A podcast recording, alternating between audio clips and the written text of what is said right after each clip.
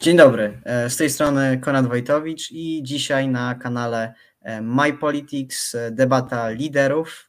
Niebawem młodzi politycy będą dyskutować na temat polityki rodzinnej, ale nie tylko, również o różnych kwestiach ideologicznych związanych z polityką rodzinną. I dzisiaj mamy zaszczyt gościć Paulinę Nowak ze Stowarzyszenia dla Polski. Dzień dobry. Sandro Kurzyńskiego z Młodych Nowoczesnych. Dzień dobry, witam wszystkich. Mikołaja Soszyńskiego z Młodych Libertarian. Witam bardzo serdecznie wszystkich.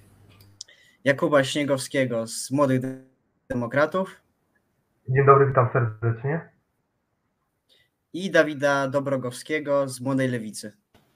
Dobry wieczór Wam wszystkim i dobry wieczór Państwu. Dzień dobry wszystkim. W takim razie możemy zacząć, już możemy przejść do e, pierwszego pytania. E, pierwsza kwestia, dość kontrowersyjna, jak wiadomo. E, kontrowersyjne są związki lub małżeństwa pomiędzy osobami homoseksualnymi. Również kontrowersyjna jest kwestia adopcji dzieci przez te pary. Jak wiadomo, związki czy małżeństwa homoseksualne wymagają zgody dwóch świadomych osób, natomiast e, kwestia adopcji dzieci dotyczą osoby trzeciej, czyli, czyli dziecka, które może być e, stygmatyzowane na przykład w środowisku polskim, ale również e, prawo adopcji dzieci przez pary homoseksualne jest przez różne środowiska postulowany jako bardzo ważne prawo również pod względem dla e, równości, czy to związków, czy małżeństw e, homoseksualnych. Zatem pytanie jest następujące. Co uważacie na temat prawa adopcji dzieci przez związki homoseksualne? I jako pierwsza osoba proszę o wypowiedź e, Paulinę Nowak ze Stowarzyszenia dla Polski. Bardzo proszę. Dziękuję za możliwość zabrania głosu na początku. E, szanowni Państwo, chciałabym zacząć może przede wszystkim od, e, że tak powiem, e, głównego tematu zawartego w tym pytaniu, czyli od dzieci, które przybywają tak naprawdę w domach dziecka. Najpierw nasze pytanie i rozważania dotyczące tego pytania powinny się tak naprawdę moim zdaniem skupić na nich. Przeważnie są to dzieci, dzieci po przejściach, dzieci pozostawione i porzucone przez swoich rodziców, nie kwestionując tego, dlaczego tak się stało i dlaczego tam trafiły.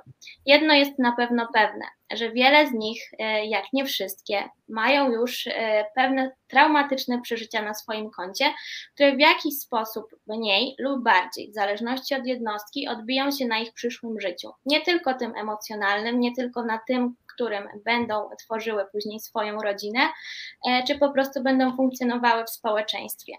Osobiście uważam, e, że takie dzieci e, powinny czuć pewną stabilizację w przyszłości, również e, w domach i w rodzinach, do których mają potencjalnie trafić podczas procedury adopcyjnej. Osobiście uważam, że dzieci z domów dziecka potrzebują wiele empatii, uczucia miłości, ale też poczucia bezpieczeństwa, stabilizacji, dachu nad głową i nie tylko takich podstawowych czynności jak zapewnienie dostępu do edukacji, czy, czy możliwość po prostu zjedzenia ciepłego posiłku, ale to przede wszystkim dom, ciepło matki, e, pewne kompetencje ojca i to wszystko w połączeniu tworzy tak naprawdę rodzinę, rodzinę, o której już wcześniej wspomniano również w naszej konstytucji.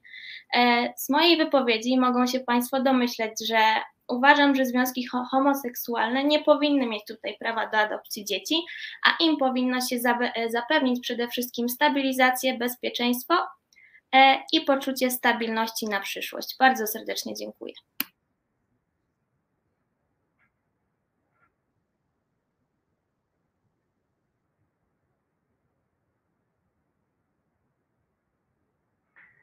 Ja jestem jak najbardziej za, żeby pary homoseksualne e, aby adoptowały dzieci z domu dziecka. Dlatego, tak jak wiemy, dzieci w domu dziecka są po jakichś przeżyciach. Choć dom dziecka jest pięknym, kolorowym budynkiem dla nich, to i tak nie stanowi dla nich rodziny. Gdzieś tam kiedyś od wieków było gdzieś, że tylko kobieta i mężczyzna mogą zapewnić dom dziecko i mogą mieć dzieci. Jak wiemy, nasz świat idzie do przodu. Tak są postęp cywilizacyjny, jak i wszystko. Dlatego uważam, że tutaj pary homoseksualne powinny mieć dostęp również do adopcji dzieci, żeby tym dzieciom stworzyć świetny dom. Uważam, że nie tylko kobieta i mężczyzna mogą tworzyć ten dom, tylko uważam, że, że też para homoseksualistów, czy to dwie kobiety, czy dwóch mężczyzn, uważam, że tak samo są gotowi i tak samo mogą zapewnić fajny, kochający dom, y, mogą, y, mogą y, tak samo pokochać to dziecko i naprawdę może być godnie wychowywane też przez, przez, przez pary homoseksualne. Dziękuję. Dziękuję bardzo za wypowiedź i jako trzecią osobę bardzo proszę Sandro Kurzyńskiego z Młodych Nowoczesnych. Dobrze, dziękuję tutaj e, za głos. E, moim zdaniem e, tematykę adopcji i wychowywania dzieci przez pary jednopłciowe należy rozważyć w dwóch kategoriach. Pierwsza z nich to rozprawienie się z takim stereotypem modelu jedynej słusznej rodziny, który no, wszyscy znamy, serwowany jest nam przez Kościół i polityków prawicy. Od wielu lat istnieje konsensus naukowy mówiący wprost, iż dzieci par jednopłciowych rozwijają się zupełnie tak samo dobrze jak dzieci par heteroseksualnych i nie wykazano, żeby orientacja seksualna czy e, tożsamość płciowa e, rodziców miały jakikolwiek negatywny wpływ na rozwój tego dziecka. A przekonanie, jakoby dzieci potrzebowały zarówno matki, jak i ojca, nie znajduje też potwierdzenia w badaniach naukowych. Co ciekawe, tak tutaj dodam od siebie, e, wyniki części badań, w których przyrównano do siebie właśnie rodziny, e, rodziny heteroseksualne z rodzicami e, jednopłciowymi, którzy właśnie adoptowali dzieci. Wynika z tych badań, że umiejętności rodzicielskie gejów i lesbijek mogą być nawet lepsze niż umiejętności heteroseksualnych rodziców. A natomiast druga sprawa, z którą myślę wszyscy się zgodzimy, to przede wszystkim dobro dziecka. A moi przedmówcy o tym mówili, właśnie o tym cieple i tak dalej. Chyba wszyscy się zgodzimy, iż szansa na zamieszkanie w kochającej rodzinie e, znacząco przewyższa pod każdym względem perspektywę dalszego pobytu w ośrodku opiekuńczym. I e, krótko odnosząc się do pierwszej wypowiedzi koleżanki, e, zdecydowanie więcej empatii i ciepła można otrzymać w rodzinie jednopłciowej niż w ośrodku opiekuńczym. I co do tego nie mam tutaj najmniejszych wątpliwości. No i tak jak mówiłem, no więcej tego ciepła, więcej tej empatii niezależnie od specyfiki miłości ów partnerów można otrzymać w normalnej rodzinie, a tak jest też normalna rodzina. Dziękuję. Dziękuję bardzo i poproszę teraz o głos e, Mikołaja Soszyńskiego z Młodych Libertarian. Dziękuję bardzo za oddanie głosu. Tutaj akurat ja być może powtórzę zdanie moich przedmówców, natomiast ja się również e, podpisuję obiema rękami pod tym, zresztą nie muszę się nawet pod tym podpisywać, mówią o tym badania naukowe, o tym, że rodzicielstwo osób LGBT nie jest, nie jest rzeczą, która powoduje jakiekolwiek patologię u wychowywanego dziecka. No, pojawiają się nawet przypadki, jak to wcześniej wspomniał kolega z Młodych Nowoczesnych, że ten dobrostan jest lepszy, chociaż tutaj akurat możemy mieć e, do czynienia z niezbyt e, dobrą próbką badawczą, ale to już wchodzimy w pewne szczegóły. Przede wszystkim ja nie jestem zwolennikiem tego, żeby państwo ustalało to, E, kto może założyć rodzinę, to znaczy, że kto może adoptować to dziecko i uważam, że to nie powinno być w ogóle podlegać jakimkolwiek e, dyskusji to, czy ktoś jest homoseksualistą, czy ktoś jest heteroseksualistą, powinien móc mieć prawo adoptować dziecko.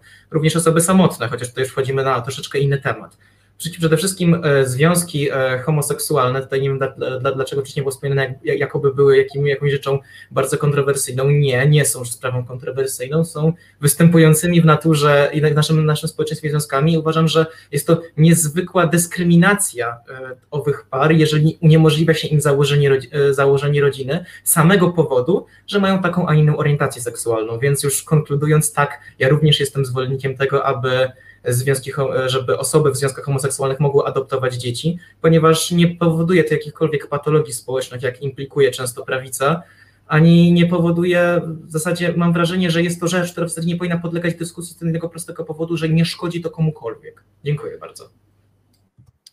Dziękuję bardzo. Jako ostatnia osoba odpowiadająca na pierwsze pytanie, Dawid Dobrogowski z Młodej Lewicy.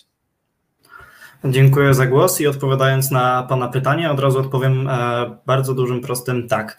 E, jakby nie rozumiem e, samego problemu mówienia, że związki par jednopłciowych są czymś kontrowersyjnym. Nie wiem od kiedy miłość jest kontrowersyjna, więc sama, sam sama tematyka adopcji przez te pary dzieci, moim zdaniem nie jest kontrowersyjna. W procedurach adopcyjnych, moim zdaniem, w ogóle nie powinno być brane pod uwagę, czy dziecko trafi do E, pary, e, gdzie są dwie kobiety, czy, czy z dwóch mężczyzn, czy, czy, czy jest to związek e, różnopłciowy.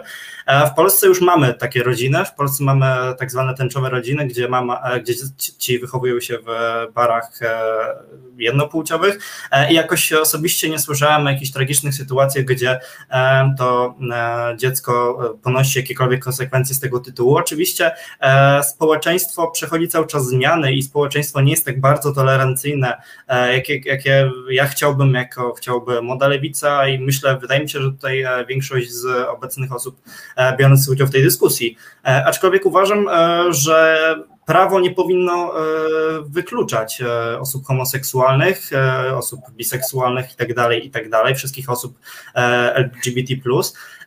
Więc ta adopcja powinna być jak najbardziej moim zdaniem dozwolona przede wszystkim powinniśmy kierować się dobrym dziecka. E, I e, jeśli z jakiegoś powodu dziecko by nie chciało być takiej w rodzinie, to trzeba moim zdaniem takiego dziecka wysłuchać, e, bo przy adopcji szczególnie bardzo ważne jest zdanie dziecka, no ale jeśli dziecko nie będzie miało E, nic przeciwko, to ja nie widzę tutaj żadnych e, pobudek. E, dlaczego akurat miałoby być tak, że dziecko nie trafi do, do jakiejś pary tylko i wyłącznie dlatego, że jest to para osób jednopłciowych? No moim zdaniem to, to taka argumentacja jest kuriozalna. Prawo powinno, państwo w ogóle powinno wspierać przede wszystkim dzieci, które są w domach dziecka, jeśli mają możliwość trafienia do rodziny, w której otrzymają miłość, w której otrzymają ciepło, tak jak tutaj pani ze Stowarzyszenia dla Polski powiedziała, ciepły posiłek, i tak dalej, i tak dalej, no to powinno, powinno dochodzić do takich adopcji. Ja nie widzę naprawdę w tym nic e, kontrowersyjnego i jako lewica, jako, znaczy przede wszystkim jako młoda lewica, e, którą reprezentuję, popieramy oczywiście takie związki, e, związki homoseksualne oraz popieramy możliwość adopcji dzieci przez takie pary. Dobrze, dziękuję bardzo i tym samym to kończę wszystkie odpowiedzi na pierwsze pytanie, zatem możemy już przejść do drugiego Mm, tematu dzisiejszej debaty, czyli e, właściwie do postulatu, e, niejako forsowanego przede wszystkim przez środowiska libertariańskie, ale nie tylko, e, czyli do postulatu zniesienia wszelkich małżeństw państwowych, postulatu, które zakładają, że małżeństwa powinny być e, zawierane między innymi przez umowy cywilnoprawne i że państwo nie powinno się mieszać do e, prywatnych spraw obywateli, w tym właśnie do związków czy małżeństw między e, dwoma dorosłymi ludźmi. I pytanie jest następujące: czy popieracie taki postulat, jakoby należałoby znieść małżeństwa państwowe? I jako pierwsza osoba odpowiadająca na to pytanie, Dawid Dobrogowski, Młoda Lewica. Dziękuję za głos. E, zaczynając w ogóle od samego e, mm, pytania, ja uważam, że przede wszystkim na początku powinny zostać wprowadzone związki partnerskie dla osób e, tej samej płci. Wtedy dopiero jeśli te rozwiązanie byłoby wprowadzone, dopiero możemy przejść do jakiejkolwiek dyskusji, czy to w mediach, czy to w parlamencie, na, na temat zniesienia małżeństw. Ja prywatnie uważam, że jeśli związki partnerskie dla osób tej samej płci byłyby w pełni zalegalizowane, i można byłoby je zawierać, e, wtedy instytucja małżeństwa mogłaby że de facto zniknąć e, jako byt prawny. E, i wszystkie, no, załóżmy to Załóżmy po prostu te kompetencje, jakkolwiek to brzmi, które za, małżeństwo zawiera, po prostu przenieść do, do związku partnerskiego i można byłoby wtedy zawierać to powiedzmy jako ta umowa e, cywilnoprawna. Ja uważam, że to jest e, rozwiązanie, które na pewno nie nastąpi szybko, e, dlatego że w społeczeństwie naszym e, polskim, ale przede wszystkim europejskim oraz wydaje mi się, że na całym świecie, e, przynajmniej w dużej e, częściach, no małżeństwo ma jakąś, jakieś znaczenie symboliczne. Ja uważam, ja jako gej, jako osoba homoseksualna, chciałbym zawrzeć małżeństwo. Jakkolwiek to brzmi, e, więc e, nie wiem, czy, czy takie rozwiązanie jest do wprowadzenia na teraz. E, aczkolwiek uważam, że dyskusję na ten temat powinniśmy przełożyć w momencie, kiedy no, związki partnerskie w końcu dla osób tej samej płci będą dozwolone, będzie można je zawierać i państwo nie będzie wykluczało miłości tych osób. Więc konkludując, wydaje mi się, że w, w jakiejkolwiek przyszłości to nastąpi, prędzej czy później, ale jak szybko, no tego nie wiem. Na początku musimy zrobić ten krok w kierunku zalegalizowania związków partnerskich osób tej, tej samej płci, a potem dopiero rozpocząć dyskusję i jakieś ewentualnie prace prawne nad wprowadzeniem, przepraszam, nad likwidacją małżeństw. Dziękuję bardzo. I jako druga osoba Mikołaj Soszyński, Młodzi Libertarianie. Dziękuję bardzo za oddanie głosu. Akurat w tym pytaniu ja jestem niejako rzucony pod ścianę, ponieważ reprezentuję środowiska, które bardzo często e, promują e, zlikwidowanie małżeństw, małżeństw państwowych, o to, żeby państwo nie e, zajmowało się tym, w jaki jakie są umowy między osobami, jak, jak się jakby sankcjonuje zażyłości między poszczególnymi obywatelami. I ja się tutaj po części zgodzę z kolegą z Młodej Lewicy, to znaczy y, faktycznie y, jest, jaką, jest jakaś forma gradacyjna, w której moglibyśmy te małżeństwo faktycznie likwidować, ponieważ ja tak, tak uważam, że y, państwo nie powinno się zajmować tym, że, że tak powiem, nie powinno sankcjonować właśnie prawnie tego, kto z kim jest i nazwijmy to w jakiej konfiguracji.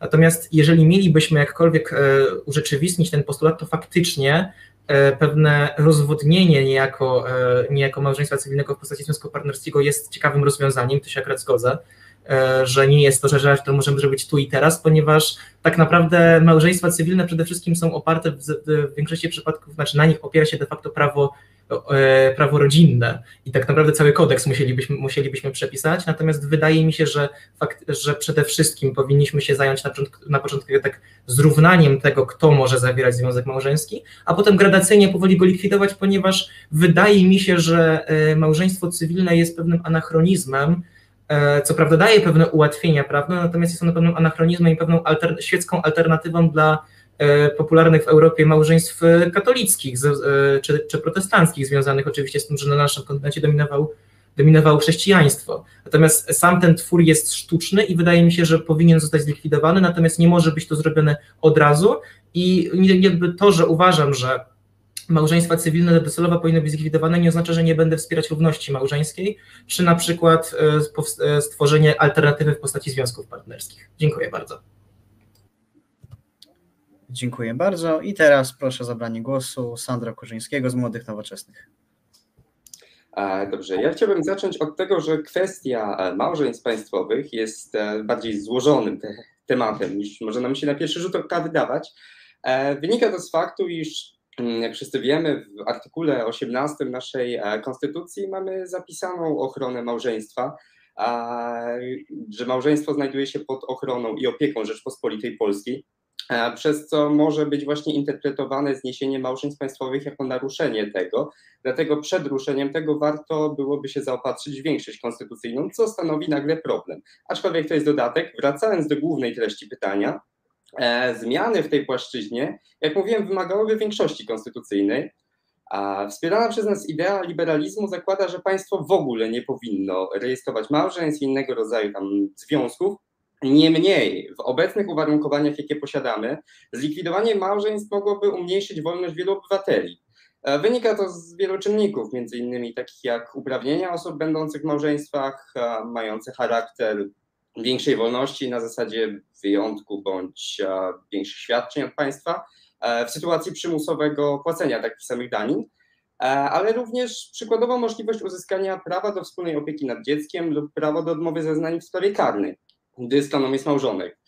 Najlepszym rozwiązaniem, moim tutaj prywatnym zdaniem, byłaby zmiana prawa tak, by zamiast pojęcia małżonków występowało wszędzie pojęcie przykładowo osób pozostających we wspólnym pożyciu, a dowodem na pozostawanie we wspólnym pożyciu, którego nie można byłoby odrzucić, byłaby po prostu deklaracja składana przez partnerów, na przykład do urzędu lub do notariusza, a którą można nazwać na przykład deklaracją związku partnerskiego i wtedy można by było w ogóle znieść instytucje małżeństw państwowych. Dziękuję. Dziękuję bardzo i adwocem zgłosił Mikołaj Zaszyński z Młodych Libertarian. E, dziękuję bardzo za oddanie głosu. Tutaj chciałbym przede wszystkim powiedzieć, że tutaj została podana pewna nieścisłość, mam wrażenie, to znaczy faktycznie artykuł 18 polskiej konstytucji e, sprawia, znaczy daje pod opiekę małżeństwo rozumiane jako, jako związek mężczyzny i kobiety, natomiast nigdzie tego typu artykuł nie mówi o tym, że nie może istnieć pojęcie innego małżeństwa. Po prostu to heteroseksualne jest postrzegane przez polskie prawo jako to szczególne i należy się jemu specyficzna opieka prawna, natomiast jak najbardziej jesteśmy w stanie wprowadzić e, równość małżeńską bez zmiany konstytucji. Dziękuję bardzo. Dziękuję bardzo. I Sandro Kurzyński, odpowiedź nad WOCem.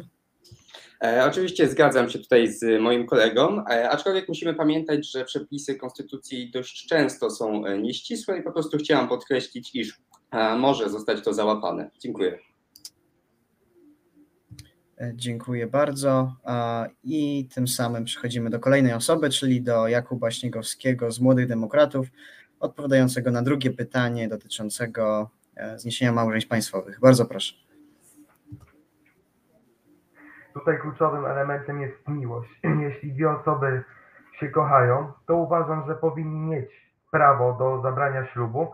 Tutaj, jak już poprzednie osoby powiedziały, mamy tutaj w Konstytucji artykuł prawo, artykuł 18 w związku z małżeństwami, ale jak doskonale wiemy, nie ma w nim uzasadnionego, czy tylko kobieta i mężczyzna, czy na przykład dwóch mężczyzn, czy dwie kobiety. Uważam, że wszyscy mają prawo do wspólnej miłości. Jeśli ta miłość istnieje pomiędzy osobami, dlaczego ma nie zostać y, tutaj spełniona? Dziękuję bardzo. Dziękuję bardzo. I jako ostatnia osoba odpowiadająca na pytanie, e, Paulina Nowak, Stowarzyszenie dla Polski. E, Bardzo serdecznie dziękuję. Z jednej strony cieszę się, że mam przyjemność zabrania głosu e, pod koniec właśnie tego pytania, ponieważ przysłuchując się wszystkim wypowiedziom, które padały e, przede mną, mam takie pewne wrażenie e, pewnego rodzaju niesprawiedliwości, która padła tutaj z ust e, moich przedmówców. E, Udało mi się wyłapać informacje związane z tym, że związki partnerskie tak, ale wtedy niszmy instytucję małżeństwa. Jest to swego rodzaju hipokryzja, ponieważ w ten sposób chcielibyście zniszczyć to, co dotyczy pewnych osób, e, przez dodanie pewnych praw dla osób, dla których walczycie. To jest tak zwana wasza tolerancja, czyli e, robimy coś dla siebie, wykluczamy coś, co było tradycyjne, wykluczamy coś, do czego e, przywiązało się wiele milionów Polaków, e, ale najważniejsze, że my jesteśmy zadowoleni. E, No, tak nie do końca powinno być, to mnie troszeczkę przeraża. E, Mam nadzieję, że do czegoś takiego nigdy nie dojdzie. Jeśli chodzi o mnie, uważam, że e, postulat zniesienia małżeństw państwowych e, jest czymś, nad czym w ogóle nie powinniśmy się e, zastanawiać tak naprawdę, ponieważ małżeństwo jest tutaj swego rodzaju e, wyborem. Nikt nas nie zmusza do tego, by w ten związek małżeński wchodzić. Jest to przede wszystkim uregulowanie prawne, które daje poczucie stabilizacji e, tutaj kobiecie i mężczyźnie, którzy z własnej woli, podkreślam to, z własnej woli decydują się na twór małżeństwa.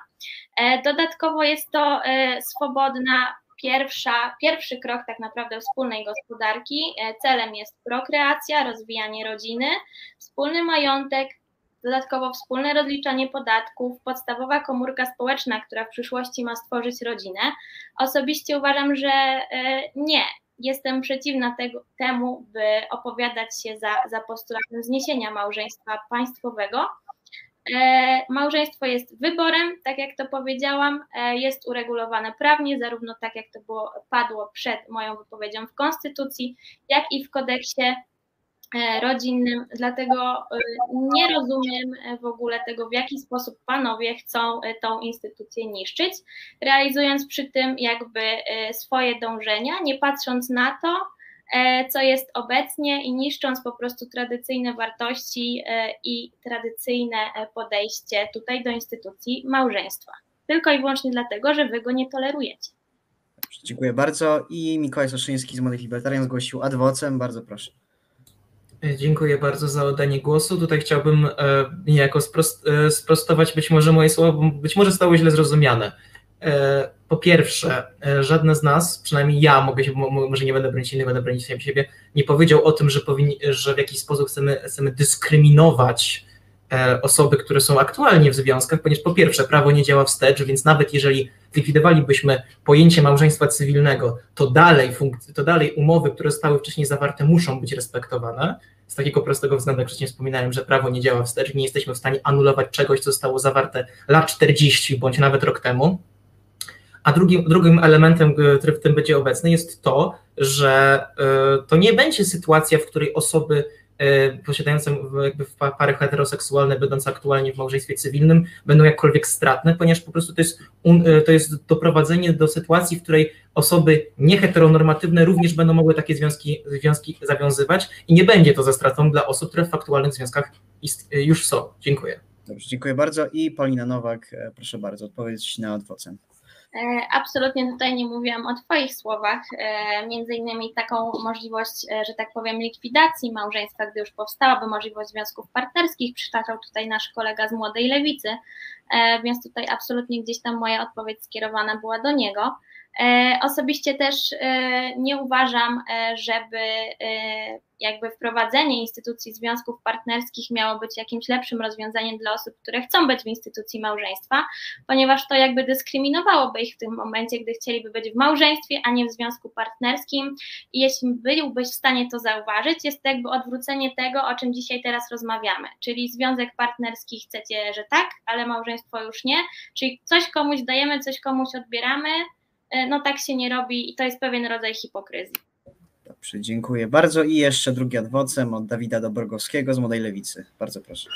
E, ja chciałbym tutaj wejść e, w drobną polemikę, gdyż ja powiedziałem o tym, że jeśli dopiero zostałoby zalegalizowane związki partnerskie dla osób tej samej płci, wtedy możemy poprzeć, wtedy możemy rozpocząć jakąkolwiek dyskusję nad ewentualną E, likwidacją instytucji małżeństwa. E, co do samego małżeństwa, tutaj czepiamy się, mam wrażenie, przynajmniej e, samej nazwy, bo kiedy małżeństwo, te wszystkie, że nazwijmy to profity i rzeczy związane z małżeństwem zostałyby przeniesione prawnie do związku partnerskiego, wtedy kłócilibyśmy się tylko i wyłącznie o nazwę. Z drugiej strony możemy także zalegalizować małżeństwa dla osób tej samej płci i wtedy de facto nie potrzebujemy związków partnerskich. Więc za, załóżmy. Więc e, tutaj dyskusja moim zdaniem e, jest troszeczkę e, przedziwna, aczkolwiek też nie uważam, że, że jest to dyskryminacja jakichkolwiek wartości.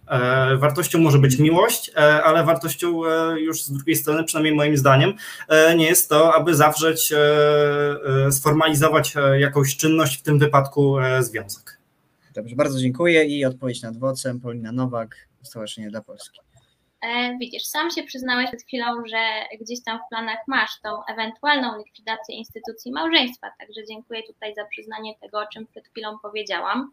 E, nawiązując do Ciebie, nie, nie kłócimy się, e, nie dyskutujemy i nie debatujemy na temat zwykłej po prostu nazwy, ale debatujemy nad wartością, nad czymś, co jest ważne dla wielu, wielu milionów Polaków, nad instytucją małżeństwa, który jest związkiem kobiety i mężczyzny. I dyskutujemy cały czas nad, pole, nad polemiką tego, czy ta instytucja ma być oparta na mężczyźnie i kobiecie, czy ma być oparta też na związkach yy, homoseksualnych. Tutaj rodzi się oddzielna debata, ale ja bronię nie nazwy, a instytucji i pewnych wartości. Dziękuję bardzo. Ja jeszcze prosiłbym o odniesienie się w, w dwóch słowach do tego. Małżeństwo przez konstytucję. Ale niestety nie tolerujemy e, odpowiedzi na odpowiedź nad adwocem, żeby jednak zachować te, e, ten balans e, pomiędzy uczestnikami, e, ale, ale zapraszamy do odniesienia się, się w innych częściach wypowiedzi. Można również e, nieco zahaczyć o, o poprzednie kwestie, odpowiadając na kolejne pytania. E, tym samym przechodzimy do trzeciej kwestii naszej debaty, czyli e, do kwestii podatków. Równość podatkowa jest e, bardzo ważną ideą w prawie podatkowym. Uważa się, że każdy podatnik jest równy wobec państwa, niezależnie od tego, czy to są podatki progresywne, czy liniowe, czy jakiekolwiek inne. W każdym razie wiele państw dopuszcza pewne ulgi podatkowe dla małżeństw i dla e, osób posiadających dzieci. E, czy Waszym zdaniem kłóci się to z przedstawioną wcześniej równością podatkową, czy, mm, czy należy znieść wszelkie ulgi dla, dla małżeństw, dla osób z dziećmi? I jako pierwsza osoba odpowiadająca na to pytanie, Mikołaj Soszyński z Młodych Libertarian. E, dziękuję bardzo za oddanie głosu. E, przede wszystkim uważam, że, że państwo nie powinno, nazwijmy to, premiować mniejszym grabieniem swojego obywatela poprzez, poprzez opodatkowanie, z samego powodu, że podejmuje taką, a nie inną decyzję w życiu i uważam, że jest to wręcz e, zaprzeczenie pewnej równości względem państwa, ponieważ osoby, które zdecydowały się założyć e, rodzinę, dostają, nazwijmy to, pewne profity, a osoby, które z różnych powodów, bo nie muszą być to wyłącznie, nazwijmy to, e, nie musi być to wybór osobisty, może być to, może być to na przykład spowodowane tym, że osoba jest na przykład bezpłodna, albo z różnych innych powodów. I tak naprawdę sam fakt podjęcia decyzji nie powinien sprawiać, że powinieneś w sytuacji tego typu e, dostawać pewne profity od państwa, ponieważ jest to zaprzeczenie pewnego, e, pewnemu, nazwijmy to, egalitaryzmowi, e, jeśli chodzi o traktowanie obywatela przez państwo. Nie uważam, żeby tego typu ulgi były zasadne i nie uważam, żeby, że powinny istnieć, ponieważ, jak już wcześniej wspominałem, tego typu decyzja życiowa nie powinna determinować tego, w jaki sposób jesteś postrzegany przez aparat przymusu. Dziękuję bardzo. Dziękuję bardzo. I jako druga osoba Sandro Kurzyński z Młodych Nowoczesnych. Bardzo proszę. Dobrze, dziękuję. Ja chciałbym zacząć od tego, e, iż każde ulgi, każdy rodzaj pomocy ma pewien swój cel e, i są one pewną drogą e, lepszą, gorszą, w zależności od tego, jak są skonstruowane, aby do tego celu się zbliżać, ten, ten cel osiągać. Ale chciałbym przybliżyć tutaj sposób, w jaki kreujemy te ulgi. E, ponieważ w przypadku ulg podatkowych e, mamy pewien cel. W przypadku tych konkretnych, o których teraz mówimy, e, stawiany jest nacisk na rozwój i poprawę bytu małżeństwa lub, i oczywiście, jeżeli ktoś ma jedno i drugie, potomstwa. Trzeba jasno wykazać, iż te konkretne przykłady typu wsparcia niekoniecznie przynoszą pożądane przez nas skutki. Ulgi przynoszą największe korzyści ludziom zamożnym i nie wpływają znacząco na byt i decyzje ludzi z niższych klas ekonomicznych. E, zatem moim zdaniem dobrym rozwiązaniem byłoby stworzenie zamiast ogólnych ulg, których wpływ ciężko końcowo zmierzyć, e, na przykład programu dofinansowań do zakupu mieszkania lub rodzinnego auta elektrycznego. W ten sposób, ustalając odpowiednie kryteria wykorzystywania tych programów, jesteśmy w stanie e, dotrzeć z nimi do ludzi, do których chcemy dotrzeć, dotrzeć do wszystkich porówno, a efekty ich działań stałyby się po prostu bardziej fizyczne i mierzalne. Dziękuję. Dziękuję i proszę o zabranie głosu Dawida Dobrogowskiego z Młodej Lewicy. Dziękuję. Ja przede wszystkim e, zaznaczę, że e, moim zdaniem e, najpierw powinniśmy jakby odnosząc się w ogóle do rodziny, uważam, że małżeństwa i związki powinny, te osoby mogą, powinny móc wspólnie się rozliczać, czyli tam powiedzmy korzystać z tych ulg podatkowych. Jeśli państwo obecnie je wspiera, to uważam, że, że, że to jest dobre rozwiązanie jako, jakkolwiek e, ze strony państwa e, jest promowane, jest e, czy zawieranie związków, formalizowanie ich. W tym momencie na przykład państwo bardzo mocno promuje przecież rząd Prawa i Sprawiedliwości promuje wchodzenie w związki małżeńskie, rodzenia dzieci i tak dalej, i tak dalej, to wszystko promuje. Ja uważam, że Przede wszystkim e, wsparcie powinno otrzymywać małżeństwo, nie do końca, e, a, a potem powinniśmy się zastanowić nad tym, czy, e, czy, czy, czy te wsparcie powinno się otrzymywać tylko i wyłącznie ze względu, dla, ze względu na to, że ma się dzieci, bo tutaj słusznym argumentem, który podał kolega z Młodych Libertarian jest to, że są pary, są osoby, są osoby, które z, no, z przyczyn po prostu biologicznych, zdrowotnych nie mogą mieć potomstwa, dlatego że są bezpłodne. I co w, co w tym wypadku? Nie możemy dyskryminować tych osób w, w żadnym wypadku. E, ja uważam, że e, te e, rozwiązania, które powinny by, które wprowadzają ulgi dla, dla, dla małżeństw, E, powinny, powinny zostać utrzymane i moim zdaniem e, nie powinno się e, ich likwidować.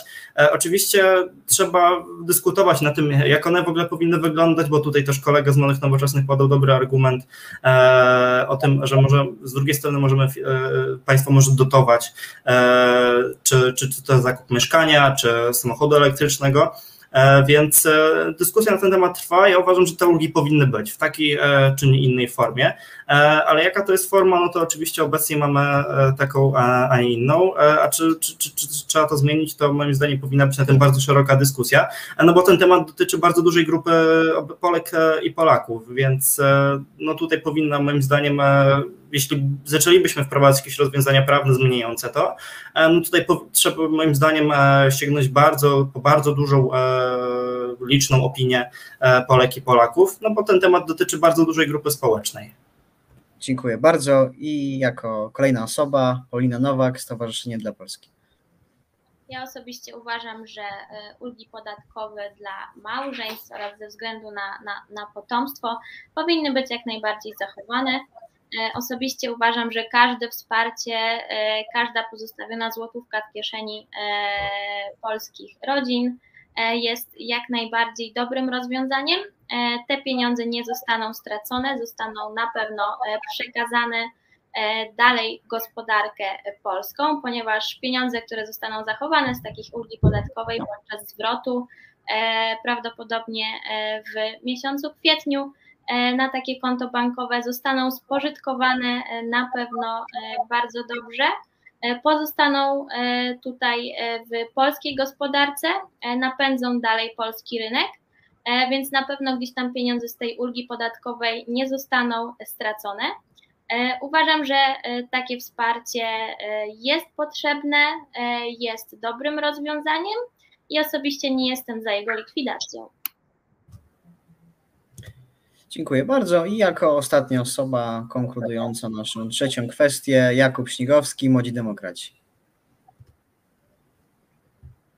A więc moim zdaniem oczywiście ulgi podatkowe powinny pozostać. Pomagają one w rodzinie, w wychowaniu, dzieci.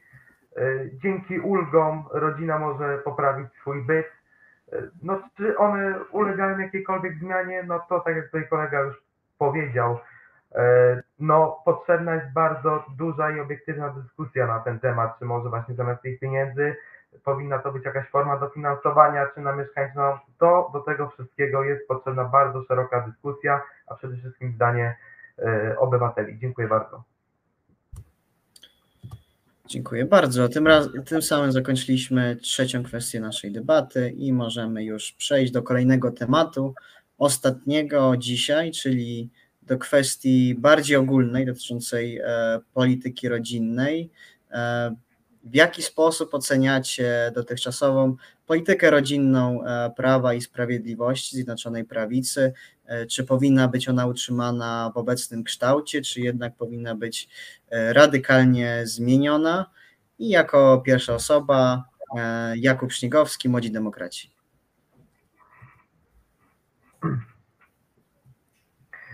No myślę, że tak, obecna ta polityka prorodzinna no jest szeroko rozbudowana. Mamy ulgi podatkowe, mamy y, karty dużej rodziny, mam 500, plus, dobry start. Y, to wszystko sprawia, że mając takie wsparcie państwa, y, no mamy zapewnione środki na wychowanie y, dzieci, tak? To wszystko pomaga, gdzieś tam spełnia ten, ten wspomaga ten, ten budżet rodzinny. Mm, natomiast Wiemy też o Polskim Ładzie, który ma być e, wprowadzony po nowym roku. Czy on tak dobrze e, wspomoże obywateli, czy nie? No tutaj już jest kwestia dyskusyjna, bo jak wiemy, no, są różne pogłoski na ten temat. E, no ja osobiście Polskiego Ładu nie popieram, uważam, że wyrządzi wiele szkód, przede wszystkim w podatkach dla przedsiębiorstw. No nie będzie, bardzo, nie będzie on dobrym rozwiązaniem. Uważam, że rodziny, które decydują się na dziecko, no już powinny mieć w głowie ten plan, że ono będzie, no, że jest drogie wychowanie dziecka, no i tutaj Państwo uważam, że w takiej kwestii nie powinno aż tak bardzo gdzieś e, wchodzić. Dziękuję bardzo. Dziękuję bardzo i teraz proszę o zabranie głosu Dawida Dobrogowskiego z Młodej Lewicy. Dziękuję bardzo. Bezapelacyjnym e, jest to, że państwo powinno wspierać e, e, obywateli. Powinno wspierać moim zdaniem także rodzinę. Jest dużo form, tak jak tutaj kolega ze Stowarzyszenia Młodzi Demokraci powiedział, jest dużo form wspierania rodziny, czy tak jak tutaj kolega wymieniał.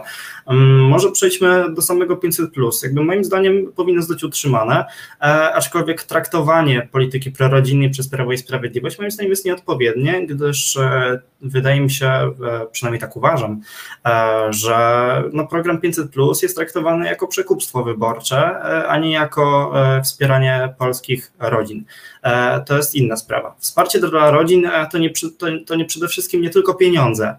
Moim zdaniem wsparcie dla rodzin powinno się objawiać także poprzez bezpłatne miejsca w żłobku dla każdego dziecka. Takie programy promują samorządy, ale moim zdaniem taki program powinien także pójść odgórnie e, ze strony państwa. No jak wiemy, dużo e, rodzin decyduje się na prywatne żłobki, tylko i wyłącznie e, dlatego, że w tych publicznych po prostu nie ma miejsca. Więc to jest problem, który trzeba rozważyć i z którym trzeba walczyć, no bo przede wszystkim wsparcie dla rodziców. E, też jest bardzo ważne. E, tutaj e, mówię między innymi o urlopach macierzyńskim. Ja jestem oczywiście także za wprowadzeniem dla równości urlopu tacierzyńskiego. E, takiego, w takiej samej e, formule, w takiej samej formie. Tutaj posłanka Wanda Nowicka z Klubu Parlamentarnego Lewicy jakiś czas temu, bodajże w Dzień Ojca, e, złożyła do Laski Marszałkowskiej taki projekt, który z tego co wiem utknął oczywiście w sejmowej zamrażarce, bo jakby inaczej, ale uważam, że właśnie taki urlop macierzyński, tecieszyński dla obojga rodziców powinien być w wymiarze 12 godzin. Uważam także, że powinny zostać być wprowadzone skutecznie ściągane alimenty, e, bo przede wszystkim e, jeśli decydujemy się na e, dziecko, to oczywiście bierzemy za nie odpowiedzialność. Patrząc na to, że posiadanie dziecka jest czymś dobrowolnym, więc jeśli decydujemy się na nie, to powinniśmy oczywiście ponosić odpowiedzialność za nie. Kolejną, już ostatnią sprawą, którą chciałbym powiedzieć, jest to, że państwo powinno finansować i wspierać program in vitro. I dziękuję bardzo. Dobrze, dziękuję bardzo. I teraz czas na wypowiedź Sandra Kurzyńskiego z Młodych Nowoczesnych. Dobrze, to ja pozwolę sobie tutaj od krótkiego wstępu podsumowującego obecną politykę rządu. No, obecna polityka prorodzinna to polityka charakterystyczna dla Europy Południowej sprzed kilkudziesięciu lat. Jak zauważyliśmy na tamtych przykładach, model ten jest mało skuteczny i opiera się na rozproszonym sposobie wspierania rodzin z dziećmi, a w Europie Południowej są dramatycznie niższe wskaźniki dzietności niż w Europie Północnej, dlatego kreując tą politykę prorodzinną należałoby patrzeć w stronę krajów z wysokimi współczynnikami. Takim krajem jest na przykład Francja. Także model, do którego należy dążyć, to systemowe wspieranie rodziny poprzez przykładowo, właśnie tutaj kolega z Młodej Lewicy wymieniał, a, tworzenie żłobków, zapewnianie ciepłych posiłków w szkole lub opieki dentystycznej. W momencie, gdy mamy już te systemowe rozwiązania, e, wtedy możemy pomyśleć o e, dopłacaniu do dzieci. Musimy też pamiętać, że samo 500 Plus w obecnej formie nie jest programem prodemograficznym, a socjalnym, ponieważ no, wspiera rodziny, gdzie już są dzieci i nie wspiera dzietności w żaden sposób. A dodatkowo warto podkreślić, że 500 plus jest bardzo kosztowne i kosztuje około 40 miliardów złotych rocznie. I jeżeli ta polityka będzie kontynuowana, będziemy nadal wydawać ogromne pieniądze na program, który nie przynosi realnych efektów, ponieważ jest to zachęta do posiadania dzieci dla bardzo wąskiej grupy ludzi. Natomiast pewnym jest, iż politykę prorodzinną należy prowadzić i co do tego nie ma najmniejszych wątpliwości, a w przeciwnym razie możemy dojść do sytuacji takiej jak Korea Południowa, gdzie państwo przez długi czas nie prowadziło polityki prorodzinnej i jest to państwo z najgorszą dzietnością na świecie. Dziękuję. Dziękuję serdecznie i teraz proszę o odpowiedź Paulinę Nowak ze Stowarzyszenia dla Polski. Szanowni Państwo, jeśli chodzi o mnie, uważam, że e, rząd powinien prowadzić politykę prorodzinną w E, zbliżonym kształcie do tego, który jest obecnie. E, programy socjalne takie jak 500, 300, e, Karta Dużej Rodziny, czy wprowadzony jakiś czas temu bon turystyczny, są to programy, które może i z perspektywy moich przedmówców wydają się być tylko przekupstwem, ale otóż nie, ponieważ dzięki tym środkom większość polskich rodzin, na których, których nie było po prostu na to stać wcześniej, mogły wyjechać na wakacje, mogły zapewnić swoim dzieciom E, dostęp do dodatkowych zajęć edukacyjnych, e, kupić e, przykładowo nowe rzeczy, czy pierwszy raz wspólnie rodzinnie wybrać się do restauracji na obiad. Nie każdego było stać na taki luksus, dzięki czemu, dzięki tym programom mogło to zostać zrealizowane.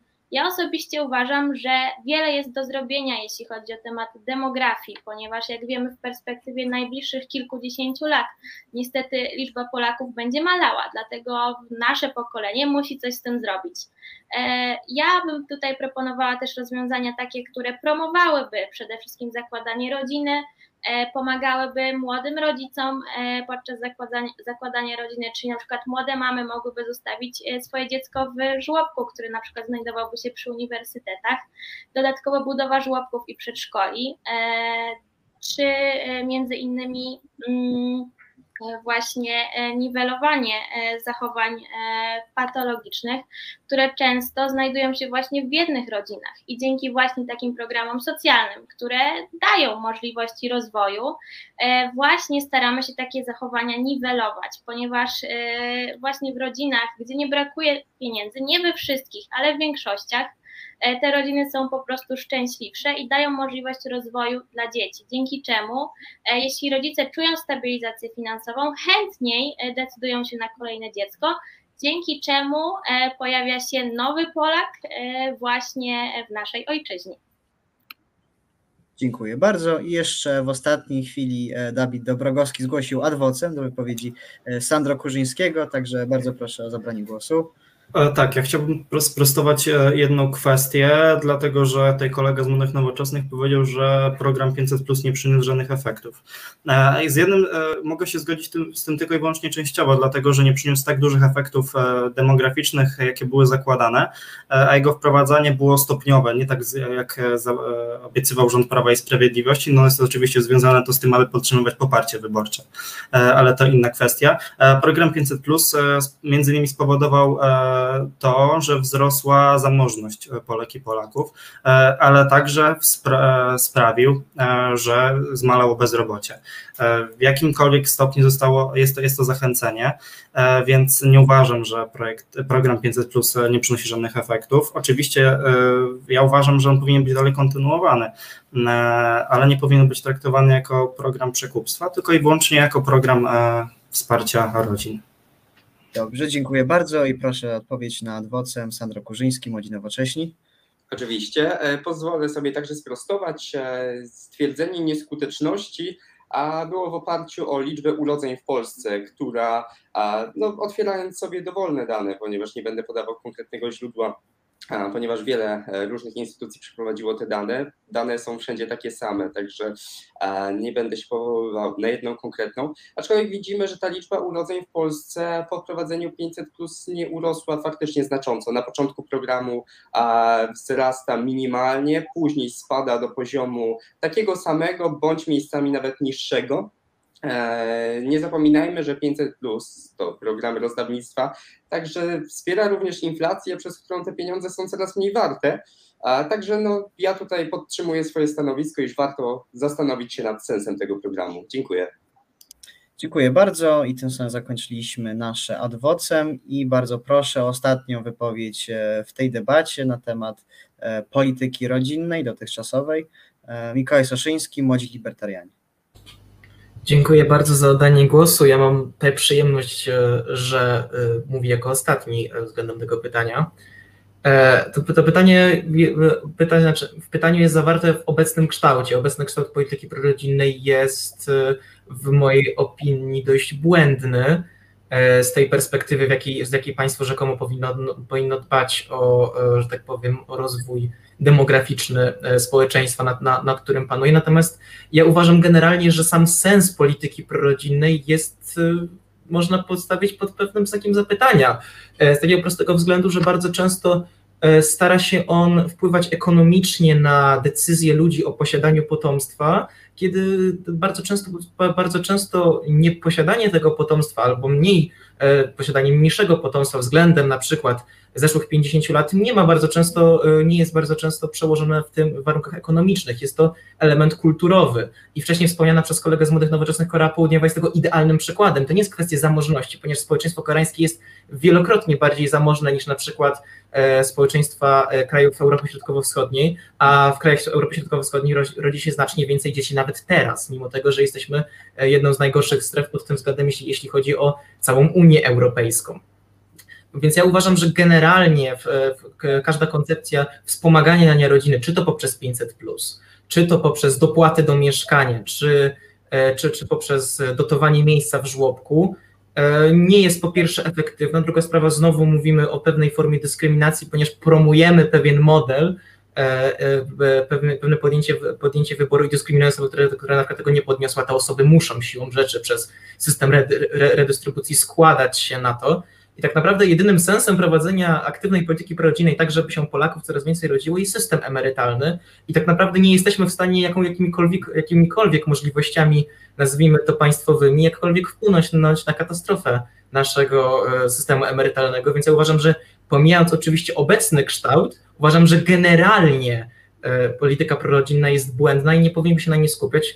Na przykład 500 plus e, to jest mniej więcej koszt naszego budżetu, ile to jest na przykład, ile zarabiamy w cudzysłowie E, jako budżet, jako budżet państwa z akcyzy na benzynę, a uważam, że zdecydowanie bardziej pozytywnie by to wpłynęło na warunki e, życia w Polsce i uważam, że zdecydowanie to byłaby lepsza forma polityki prorodzinnej niż ta, która jest prowadzona aktualnie, tym bardziej, że chociażby pomysł Prawa i, Prawa i Sprawiedliwości związany na przykład z dopłatami do mieszkań może być katastrofalny w, w swoich skutkach, gdyż już teraz mamy bardzo przeregulowany, e, przeregulowany jakby rynek mieszkaniowy i może to spowodować tak naprawdę odwrotną, odwrotny skutek i jeszcze bardziej zniechęci osoby, żeby w tak niebezpiecznym, nazwijmy to systemie, posiadać potomstwo. Dziękuję bardzo.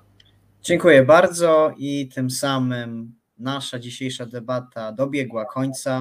E, porozmawialiśmy dzisiaj o prawie do adopcji dzieci przez e, pary homoseksualne. E, porozmawialiśmy o postulacie zniesienia małżeństw państwowych, a także o ulgach podatkowych dla małżeństw i osób z dziećmi. I na koniec również oceniliśmy obecny kształt e, polityki prorodzinnej i moją przyjemnością było gościć dzisiaj na kanale My Politics Paulinę Nowak ze Stowarzyszenia dla Polski. Dziękuję bardzo serdecznie za debatę.